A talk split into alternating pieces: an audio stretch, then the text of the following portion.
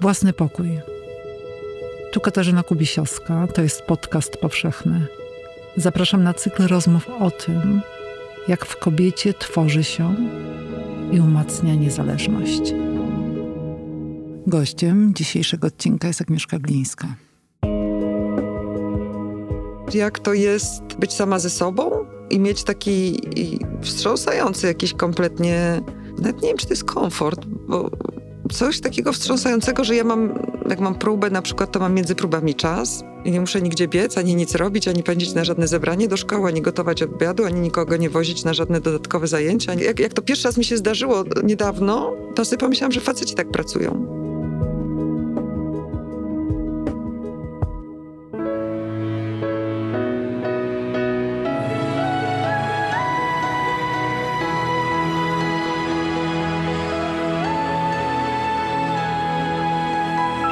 Podcast powszechny. Weź, słuchaj. Dzień dobry z Krakowa, z nowego studia Tygodnika Powszechnego przy ulicy Dworskiej 1C. Katarzyna Kubisiowska. Dziś będę rozmawiać z Agnieszką Glińską, która jest ze mną w studiu. Dzień dobry. W nowym studiu. Tak, dzień dobry. Y, będziemy dzisiaj rozmawiać o własnym pokoju i, i tak sobie myślę e, o tym, kiedy po raz pierwszy pomyślałaś, e, że chciałabyś zostać aktorką. A może wcześniej myślałaś jeszcze o zupełnie innych e, zawodach, które ci gdzieś umknęły, przebiegły obok. Tak. Pomysł z aktorstwem pojawił mi się bardzo, bardzo późno, właściwie kilka miesięcy przed maturą dopiero. A wcześniej bardzo wiele lat trwałam w przekonaniu, że będę studiowała medycynę i będę lekarzem. Mm. I to był bardzo gwałtowny zwrot.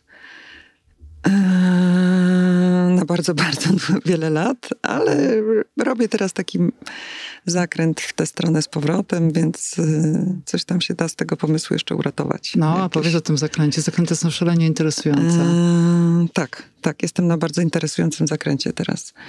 Eee, wiesz co, rozpoczęłam taką, e, rozpoczęłam taką naukę w krakowskiej szkole Gestalt mm -hmm. po to, żeby się wykształcić i żeby móc y, potem zajmować się czymś, o czym marzyłam od dawna, a dopiero teraz mi się to zaczyna krystalizować, czyli psychologią aktorstwa. -hmm a ten moment, kiedy y, no, jakaś, nie wiem, iluminacja, przedstawienie, coś, co powoduje, że, ci, że ty y, postanawiasz y, zostać Nie, nie, tam nie było żadnej iluminacji, tam... Ja chodzałam do teatru, tak, to tam nie zabierał na takie bilety pracownicze, dostawał i chodziliśmy do Teatru Polskiego we Wrocławiu, widziałam wiele przedstawień tam. Złote czasy PRL-u. Tak, tak, no tam były, wiesz, to robiło wrażenie, no, mhm. ciągnęło tam mnie, chodziłam na te festiwale piosenki aktorskiej. Tam się włamywałam przez okno w kiblu do Teatru Polskiego, bo mm. nie mieliśmy zaproszenia ani biletów. Dużo było przygód i emocji. Czasy licealne, yy, więc teatr nie był jakoś tam odległy, ale też nie był w ogóle w przestrzeni wyobrażeń. Yy, w ogóle. A potem nastąpił jakiś taki bardzo szybki, bardzo gwałtowny zbieg okoliczności. Jeden mój kolega, taki dość bliski z równoległej klasy, znajomy mm, po lekcjach gdzieś się szlajaliśmy nad Odrą i on powiedział, że idzie teraz na takie zajęcia do Domu Kultury, bo tam prowadzi zajęcia taki pan, a on będzie zdawał na lalki we Wrocławiu. Ja się jakoś tak zdumiałam, bo ja nawet nie wiedziałam, że można zdawać na jakieś lalki we Wrocławiu. W ogóle nie, jakoś nie miałam wyobrażenia o szkołach aktorskich, mm -hmm. że w ogóle coś takiego istnieje. Nie interesowałam się i nie miałam pojęcia. No i że ten pan przygotowuje do egzaminów, a ten pan nazywa się Tadeusz Pajdała. I mi to nazwisko tak zadzwoniło w głowie, zarezonowało, zadzwoniło, bo pamiętałam Tadeusza Pajdałę. Moja babcia, jak ja byłam małym dzieckiem, w naszym domu wynajmowała pokoje i w jednym z tych pokoi wynajmowanym mieszkał właśnie pan Tadeusz Pajdała razem ze swoją żoną Ireną Dudzińską, która była aktorką i została wtedy moją matką chrzestną, a potem właściwie jej nie widziałam przez lata długie, bo gdzieś wiedziałam, że grywa w Opolu albo w Jeleniej Górze, gdzieś tylko taka legenda po niej została. No ja się z nimi spotkałam, to znaczy poszłam tam, spotkałam Tadeusza Pojdały, on się strasznie wzruszył i ucieszył, bo pamiętał mnie w wózeczku, a potem już nie, a teraz przyszłam taka przedmaturalna i e, skontaktował się też z Ireną, która mieszkała wtedy w Jeleniej Górze. Spotkaliśmy się. No i się mnie zapytali, czy ja chcę zdawać do szkoły teatralnej. Powiedziałam, że tak. Mm. Krótko. I ona mi pomogła wybrać teksty, pomogła mi się przygotować. Powiedziała, że absolutnie, żebym zdawała albo do Krakowa, do Warszawy, nie do Wrocławia bo jeżeli już, to już.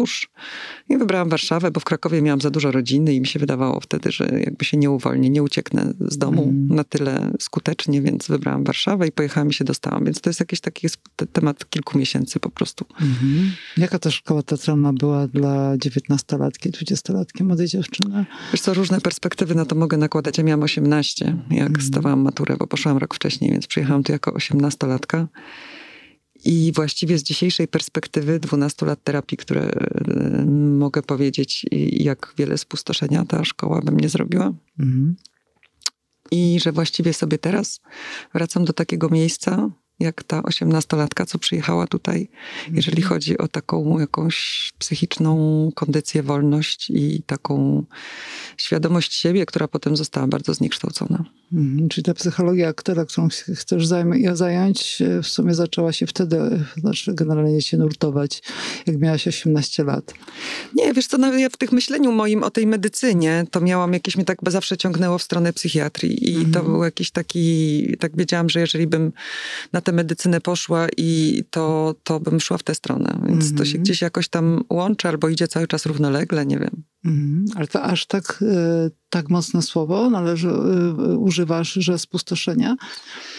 Tak. Dzisiaj, z dzisiejszej perspektywy tak, mhm. bo y, jakby ważąc na jakiejś takiej wadze to, co dobre i to, co złe, i te wszystkie spotkania, i to wszystko, y, i droga cała moja, y, którą można z jakiejś tam odległości czy perspektywy nazwać jakimś tam pasmem sukcesów mhm. i miejsca, w którym jestem, a jednocześnie mm, ten taki rodzaj doświadczenia, który mi strasznie dużo daje dzisiaj do myślenia w ogóle w szerszej perspektywie, jakby w ogóle kształcenia aktorów i kim jest aktor i w ogóle relacyjnie też. Tak, używam słowa spustoszenie, bo tam był jakiś taki mechanizm na dzień dobry. Po prostu, że jak się wchodziło do tej szkoły, to się okazywało, że wszystko masz nie tak. Mm, ciało? Ciało, głos, y, wzrok, ruch, wszystko. Zgryz, mm. y, przełykanie, struny głosowe, wszystko. Mhm. Wszystko. Na dzień dobry się, i to nie tylko, to nie ja, każdy się mhm. dowiadywał na dzień dobry, że ma wszystko źle. Mhm. E, I z tym wszystko źle jakby ustawiał się w, w, roli takiego potulnego petenta, który musi teraz od tych wielkich przyjąć wszelkiego rodzaju, każdą formę krytyki, nawet w taką najbardziej naruszającą. Mhm. E, po to, żeby doskoczyć się, polepszyć, sformować i, i coś było takiego e, takim, takim chyba najprostszym e, nazwaniu, że się nie, że ten człowiek jaki, je, jaki był, jaki przychodził, nie był ważny, a ważne by było to, co, to, co my z niego możemy ulepić, mm. albo co możemy z niego wyciągnąć, my, bez narzędzi pedagogicznych, bez narzędzi psychologicznych, Nasze pigmaliony. Nasze pigmaliony, według naszych, lepione według naszych wyobrażeń i też bardzo takim prostym reagowaniu naszych, naszych jakichś tam doświadczeń czy traum. Czy, yy, więc yy, w sumie yy, oddzielając, znowu mówię i ważąc, bo, bo też zdarzyło mi się tam dużo dobrych i ważnych rzeczy, które wpłynęły na jakiś taki mój rozwój, rozwój mojej wrażliwości, wyobraźni i spotkałam osoby, wspaniałe, mhm. ale też y, spotkałam taki, jakby miałam taki cały zespół doświadczeń bardzo dotkliwych, o których pewnie na, na antenie bym mówić tak jakoś głośno i jawnie nie chciała, ale one mieszczą się w, jakby w, takiej prostej definicji y, naruszenia granic, molestowania i tak dalej, i tak dalej, więc... Y, jakby to wszystko stało się takim doświadczeniem z takim, i wyszłam stamtąd z bardzo poprzesuwanymi takimi granicami kończyłam tę szkołę e, i długo mi się zeszło, zanim je sobie ustawiłam, albo przynajmniej próbowałam wyobrazić, gdzie ja je tak naprawdę mam. Teraz zaczynam rozumieć to spustoszenie, o którym mm. powiedziałaś. Dlatego uciekłaś z tego pokoju dość ciemnego aktorstwa do pokoju reżyserii? Wtedy tego nie wiedziałam. To znaczy, wiesz, to jest cały, cały y, problem z tą tak zwaną przemocą, yy, z przemocą nie tak zwaną, z przemocą, polega na tym, że mm, nie zawsze się wie, że się jej doznaje mhm. w tym momencie, kiedy się jej doznaje.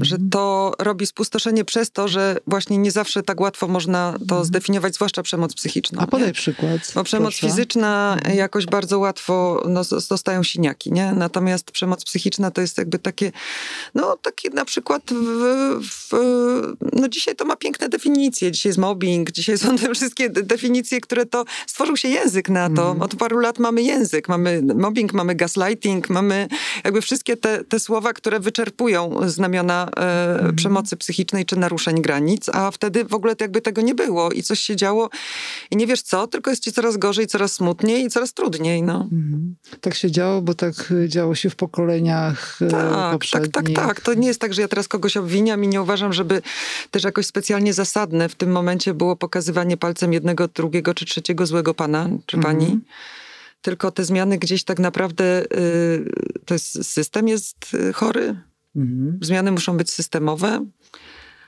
Sam początek, w moim przekonaniu, jest jakąś taką pozytywistyczną pracą w tym, żeby wzmacniać w młodych ludziach jakieś poczucie własnej wartości i umiejętności y, wyznaczania swoich granic. Mhm. Bo jak oni będą wiedzieć, gdzie ta granica przebiega, to, to będą na te przemoc reagować adekwatnie, a nie chłonąć ją aż do takiego momentu, kiedy, kiedy już jest to spustoszenie. Mhm. No a ten pokój reżyserski był jaśniejszy. No, wchodziłaś a... 30 lat temu na ten rynek e, reżyserii, gdzie swoją drogą było dość mało kobiet. To był jednak... Nikła reprezentacja mm. była, nikła. nikła. E, znowu jest tak, że ja, przy, ja wtedy brałam za normę coś, co mi się dzisiaj wydaje chore i wynaturzone. No jakby też mi się zmieniła perspektywa, optyka i też zobaczyłam po prostu te kondycje, w jakiej byłam wtedy tą taką grzeczną, miłą i przepraszającą za to, że, że umiem, albo za to, że mi wyszło, mm, albo za to, że byłaś? potrafię, tak. Mm-hmm. Tak, tak, tak. I jeszcze do tego taka... I się jeszcze uśmiechałaś. no, tego. miło, mm-hmm. oczywiście, miło się uśmiechałam i też jakby przyjmowałam różne rzeczy w siebie, bo wydawało mi się, że tak, znaczy nawet nie słyszałam, wiesz, jakby ten, ten taki, jakby, taki rodzaj seksizmu, czy takiego uwłaczania, czy tej, tej, takiego przesunięcia był, był tak wpisany i tak gdzieś też zinternalizowany przeze mnie, mhm. że ja nawet tego jakoś że coś było chyba nie tak, mi się wydawało gdzieś na poziomie intuicji, ale na poziomie rozumu to jakby wszystko było tak. No. Mm. no ale wskoczyłam do tego pokoju reżyserskiego. On jakoś to jak trochę jak rakieta odpalił yy, i tak się zaczęło dziać po prostu jedno za drugim, jedno za drugim, jedno za drugim, jedno za drugim i wpadłam w jakiś taki transmaraton yy, przez lata. Yy. Transmaraton? Mhm. To chyba wyczerpujące.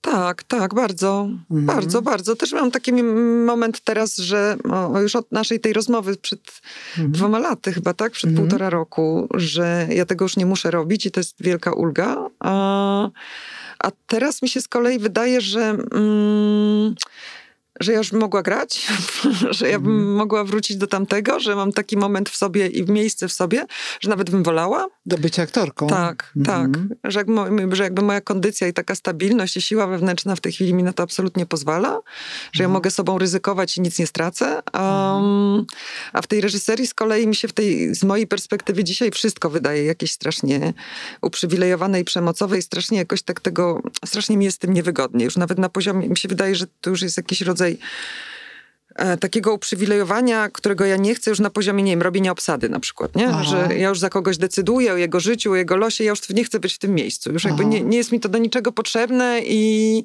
i też jakby krępuje mnie to i, i wolałabym, żeby to wszystko było na jakichś bardziej partnerskich zasadach. To dlaczego, te, dlatego jesteś tak wykończona po tych trzech e, premierach, które były Tak, tak, tak, tak. Właściwie były, dzień na, po dniu. Tak, były mhm. właściwie dzień po dniu, właściwie takim gdzieś w ciągu 10 dni takie nagromadzenie, kumulacja. Powiedz też, o nich więcej.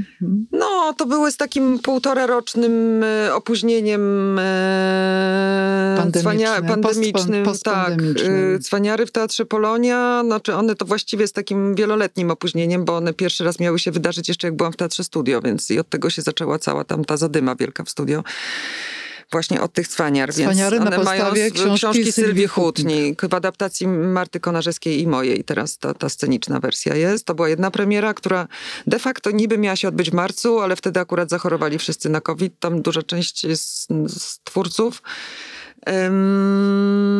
I był lockdown, i wszystko było pozamykane. Druga premiera to była to też taka zaczęta przed pandemią, sporo przed pandemią, niewielka, ale przepiękna sztuka Kerry Churchill, którą y, robiłam w Teatrze Dramatycznym na małej scenie Przodownik na Mokotowie, która ma polski tytuł w naszej wersji y, Uszedłem tylko ja sam, czyli cytat z księgi Hioba, po angielsku ma tytuł Escaped Alone. E, no i dyplom w szkole e, tutaj krakowskiej, który też był gotowy już w lutym, tylko nie mógł wystartować, bo był lockdown. W związku z tym teraz dopiero ci studenci mogą się pokazać światu. Mm, no a rola kobieca, którą chciałabyś zagrać? Ja nie wiem, czy ona musi być kobieca. Mm. E, to nie mam jakiegoś takiego przekonania. Ja nawet kiedyś, pamiętam lata temu e, w jakimś wywiadzie, chyba w Wysokich Obcasach albo gdzieś powiedziałam, że zagrałabym Wokulskiego chętnie. Mm-hmm. I pa, pamiętam, że pan Andrzej Wajda strasznie podchwycił ten pomysł i powiedział, że to jest wspaniałe i że on zrobi to, tak, taką wersję lalki, że ja zagram e, Wokulskiego. Bardzo mi się ten pomysł podobał. W tym odwróceniu ról, więc ja nie, nie, to nie musi być rola stricte kobieca. Ja właściwie mam taki moment, że mnie ciekawi w ogóle wszystko i sam ten, to miejsce, z którego się rodzi postać w człowieku i z którego można ją w sobie ulepić, więc nie mam jakichś takich y, wymarzonych, po prostu zagrałabym. W filmie bym zagrała chętnie, ale w teatrze też. Mm, a Wokulskiego w, w jakiej wersji y, lalki? W czyjej wersji? W czyjej? Filmowej. Filmowej najchętniej. Ale kto? Kogo, kogo byś widziała? Za reżysera? Nie wiem, nie wiem, nie wiem, za trudne pytanie. Nie, mm. Znaczy na pewno bym e, nie, mm, nie była wybredna, bo wydaje mi się, że mam taki rodzaj samosterowności, że jakby wiem, ile ode mnie zależy i czuła, czułabym się bardzo tak podmiotowo jako aktorka i wiem, że jakby niezależnie od... Yy, yy, znaczy, że umiałabym zrobić rolę po prostu, no. Mhm. Ale też nie, nie wchodziłabym nikomu na głowę, bo z tego, tego zdaje się lękają się reżyserzy. Mhm. Bo takie miałam informacje, że mnie nie biorą do filmów, bo się boją, że będę reżyserować. No nie, nie, nie jest to prawda. No, grałam w kilku rzeczach tam mhm. na przestrzeni ostatnich kilku lat i nikogo nie reżyserowałam. Więc. Mhm. No, a ja bym jeszcze chciała z tobą porozmawiać o jednym pokoju całkiem. O własnym pokoju. Własnym, ale nie, właśnie nie w takim, tak, twoim własnym, ale też zbudowanym na pokojach innych e, kobiet z twojej rodziny. Tym e, twoim nowo odkrytym e, pokoju kobiet z żydowskich w twojej rodzinie. No. Powiedz, jak, jak, jak w ogóle, bo to nagle po prostu w twoim życiu w pewnym momencie się tak bardzo intensywnie pojawiło. Tak. Ja też stało się też e, tematem e, sztuki, czy tam jednym z wątkiem Wątkiem, sztuku, tematem dla mnie, tematem przewodnim przez jakieś dwa czy trzy lata, jakimś takim bardzo, bardzo intensywnym i w dalszym ciągu jest. On gdzieś jest, pracuje we mnie cały czas, aczkolwiek y, wolniej i z takim większym spokojem, bez takiego, bez takiej manii, w jakiej mm -hmm. byłam przez te, ten moment odkrywania i dekodowania tej historii, o, wpadania na tropy i, i jakby oszołomienia, szukania. prawda? Oszołomienia takiego kompletnego, po prostu jak, jakbym jak po takich strzałach dopaminy w zakochaniu. No, po prostu mm -hmm. coś takiego to było. E, ale teraz miałam takie coś, y, jak przyjechałam kilka dni temu do Krakowa, e, że zostawiłam samochód na parkingu i tak szło, doszłam sobie do Ditla i taka myśl mi przesz, przeszła przez głowę to jestem w domu. I to jest ten pokój, yy, to jest ten pokój mm. moich prababek krakowskich. To jest ten pokój tej mojej historii krakowskiej i tego, mm. że ja y, jakoś tak bardzo mocno je tutaj czuję, ich obecność mm. ze mhm. mną. E, I to, że je odzyskałam po tych y, siedemdziesięciu kilku latach nieistnienia ich w ogóle mhm. w, nie tylko w świadomości, ale w ogóle w jakiejś takiej wyrwie mhm. w historii. I to, że mieszkam na Miodowej bardzo blisko tego, gdzie ta moja prababcia mieszkała. I, Pepi. Tak. Mhm. I to, że tam gdzieś właściwie w zasięgu wszędzie są jakieś miejsca, które są na tej mapie mojej rodziny mhm. na wyciągnięcie ręki i jak rano wstaję i wychodzę rano sobie po bułkę albo na kawę, to sobie myślę, że oni też tutaj rano wychodzili. Mhm. E, no to to jest taki pokój. A powiesz mi więcej, powiedz nam więcej o Pepi? Pepi była, mm, mieszkała tutaj w Krakowie, miała męża, prawnika, mojego pradziadka Natana, który miał kancelarię jedną na Stradomskiej, na Stradom wtedy się nazywało, drugą w Skabinie. Mhm. E, nie miała zawodu, nie miała wykształcenia. Była teatromanką, co odkryłam z różnych tam zapisków i e, wspomnień. I była regularną e, widzką e, dzisiejszego Teatru Słowackiego, czyli mm. wtedy Teatru Miejskiego w Krakowie. Mm, I chodziła tutaj na spektakle, interesowała się sztuką, lubiła wiersze. Co ja o niej jeszcze wiem z tych szczątków? Wiem, że miała wrzody żołądka, jeździła się leczyć mhm. E, do uzdrowisk różnych y, i w związku z tym piła mleko migdałowe.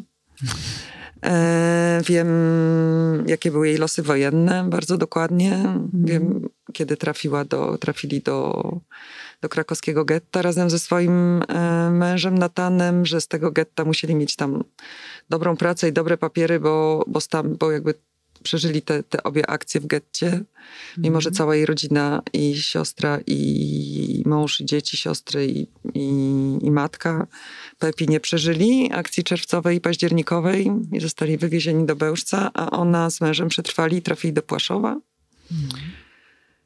E, gdzie Natan zginął, zastrzelony przez wicekomendanta obozu, a Pepi trafiła do tego skarżyska do Hasagu w Skarżysku i tam dość szybko zmarła. Mhm. Wyobrażasz sobie własny pokój Pepi?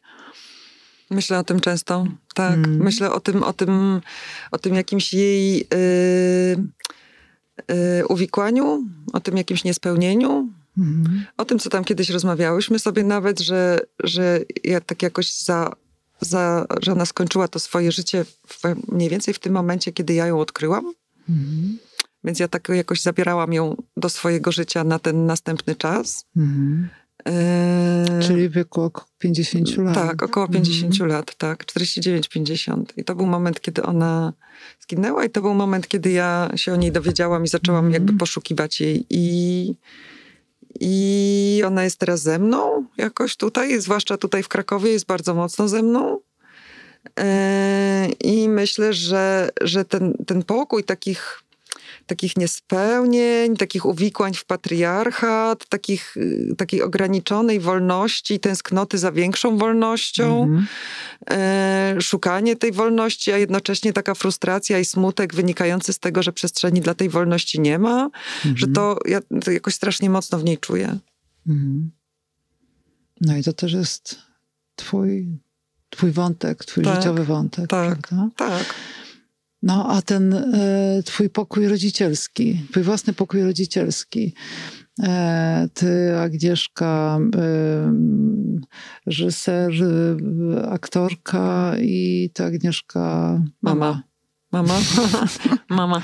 Jakie to jest ładne słowa. Piękne. No, mama, wiesz co, ja jestem strasznie takim poruszającym momencie życia, bo y, moja córka właśnie zdała maturę mm. i wyfruwa więc zaczynam życie. Po, właśnie podliczyłam, jak ona tą maturę zdawała, że łącznie z moim synem to im wychodzi 21 lat edukacji szkolnej. Mhm. Czyli ja 21, przez 21 lat wstawałam o wpół do siódmej rano po to, żeby dzieci poszły do szkoły i tak dalej, i tak mhm. dalej. Eee, no i teraz jedno już jest dorosłe i samodzielne, drugie zaczyna być dorosłe i samodzielne i bardzo jest. Ja tak teraz sobie zaczynam to życie mm, bez dzieci. Mhm. Dziwne, bardzo. Mhm.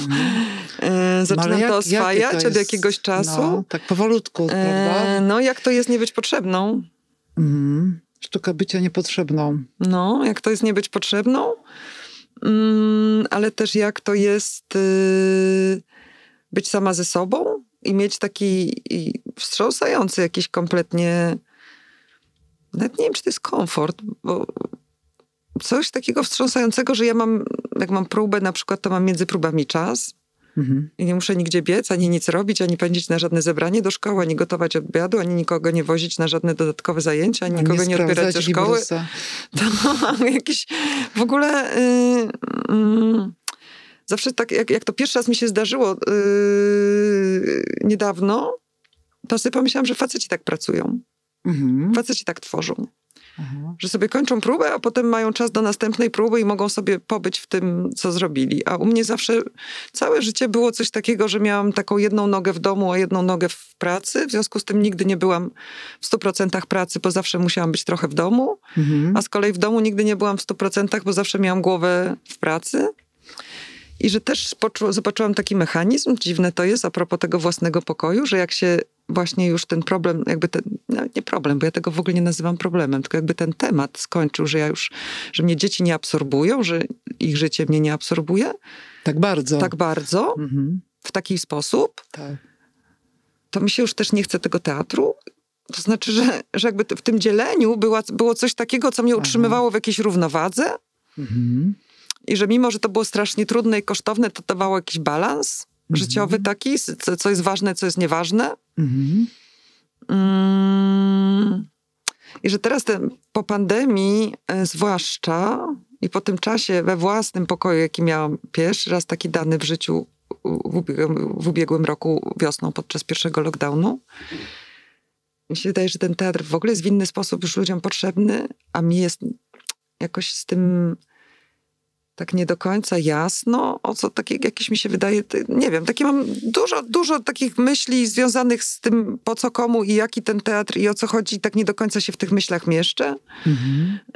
A jakie masz intuicje, że teraz ten teatr, to jak, jaki jest potrzebny ludziom? Nie wiem, wiesz, y, myśl, szukam, myślę. Ja, bym, ja mam jakąś taką potrzebę stwarzania ludziom takiego, widzom, którzy przychodzą, takiego poczucia yy, bezpieczeństwa. To znaczy, żeby mm. ich nie mhm. straszyć, tak już, żeby im tak, tak nie, nie opowiadać o tych wszystkich yy, strasznych rzeczach, bo oni doskonale znają i każdy przeżył strach potworny i lęk i, i wszyscy tak naprawdę po tej pandemii jesteśmy ocaleńcami. E, I, I coś takiego, jakieś, taka, tak, taki, jakieś przymierze, jakieś wspólnoty, czy coś mi się wydaje, że jest jakieś takie strasznie ważne i potrzebne spotkanie, współuczestnictwo, jakaś taka bliskość. Mhm. Mm, no tak, tak mi się tak wydaje. Uśmiech. No, taki tak, spotkanie, które, bliskość, która generuje uśmiech, spotkanie, relacja, e, wszystko to, czego e, nam tak strasznie przez ten ostatni czas brakowało. Mhm. I wszystko to, co pomaga mm, pokonać lęki, które się wygenerowały w takiej ogromnej skali przez, no, przez, i przez pandemię, i przez kryzys klimatyczny w takiej skali, że jakby wszyscy potrzebujemy się tak mm, łączyć, a jeszcze nas dzielą cały czas, politycznie nas cały czas dzielą, cały czas mhm. jakby wszystko jest takie roz, y, rozprzestrzenione, więc nie wiem, no tak jakkolwiek patetycznie to zabrzmi, to teatr ma teraz łączyć, łączyć, łączyć, łączyć, łączyć. Mhm.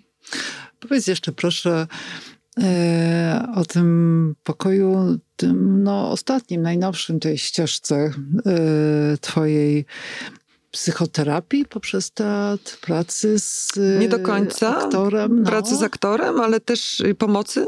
Mhm. Jakoś ja bardzo głęboko czuję też, że, że ta medycyna, która była we mnie w tej wczesnej młodości, że ona była z jakiegoś takiego, e, z takiej potrzeby działania pomocowego, mówiąc najkrócej, że jakby zawsze czułam, że jakby w tym jest sens, a we wszystkich innych rzeczach można sobie ten sens nadawać, szukać, ale on gdzieś tam sobie znika, a w takim bezpośrednim pomaganiu drugiemu człowiekowi jest najgłębszy sens, jaki można mhm. znaleźć w ogóle tutaj żyjąc. No i sobie jakby badam zakresy, w jakich mogę do tego wrócić i wydaje mi się, że jakby łącząc, nie, żeby ten zakręt nie był zwrotem nagle jakimś radykalnym, tylko żeby łączył całe moje doświadczenie, tą moją pracę na emocjach jednak z ludźmi mhm. przez tyle lat to sobie pomyślałam, że w sumie strasznie bym chciała tym wszystkim ludziom jakoś też pomagać. I sobie wyobrażam siebie za parę lat w jakimś takim stowarzyszeniu, albo fundacji, albo stowarzyszeniu, albo organizacji, która ma na celu jakąś taką pomoc psychi, psychologiczną dla aktorów, twórców i tak dalej. Jakbyś miała powiedzieć e, o takiej sytuacji, e, obrazie, w którym siebie widzisz albo jesteś, już tego doświadczyłaś jako bardzo wolna kobieta, to co ci przychodzi do głowy? Bardzo wolna kobieta. Wiesz co, czuję się bardzo wolną kobietą w tym momencie teraz. I ten pokój, który jest tematem naszej audycji, i jest pusty. Że ta wolność moja jest w pustym pokoju. w pustej przestrzeni, w takim, gdzie jakby wszystko się może zdarzyć w każdej chwili i wszystko mogę przyjąć, ale nie muszę mieć nic na stałe. Mhm ale też yy, wiesz co, tak, tak, tak chodzi po, mi po głowie, jak odkąd mm, zaprosiłaś mnie do tego spotkania, że jakby pierwsza myśl taka o własnym pokoju, o własnym pokoju, własnej przestrzeni, tak naprawdę się wyartykułowała we mnie kilka lat temu, tak naprawdę jako o takiej przestrzeni wolności, bo tam można sobie czytać tą Wolf ze zrozumieniem albo bez, ale jak się nie poczuje potrzeby własnego pokoju, to, to, to, to tylko będzie jakoś tak sztucznie implantowane, a, a musi być potrzeba gdzieś z serca. Mm. I mnie naprowadziła na to Świerszczyńska, jak zostałam maniaczką jej wierszy i jak zostałam właściwie taką historyczną maniaczką jej wierszy. Jestem wierszem, jestem przestrzeń, nie zaludniajcie mnie. Mm. Jestem przestrzeń niezamieszkana nie zaludniajcie mnie. Y, no, nie pamiętam go teraz tak szczegółowo, żeby go zacytować, ale to jest wiersz o tym, żeby nie, nie zapełniać, nie nadawać, nie wypełniać, że ja sama sobie tą siebie zagospodaruję. Mhm. I taką, mam teraz takie poczucie, że, że ta moja wolność polega na tym, że ja mogę sama siebie zagospodarować.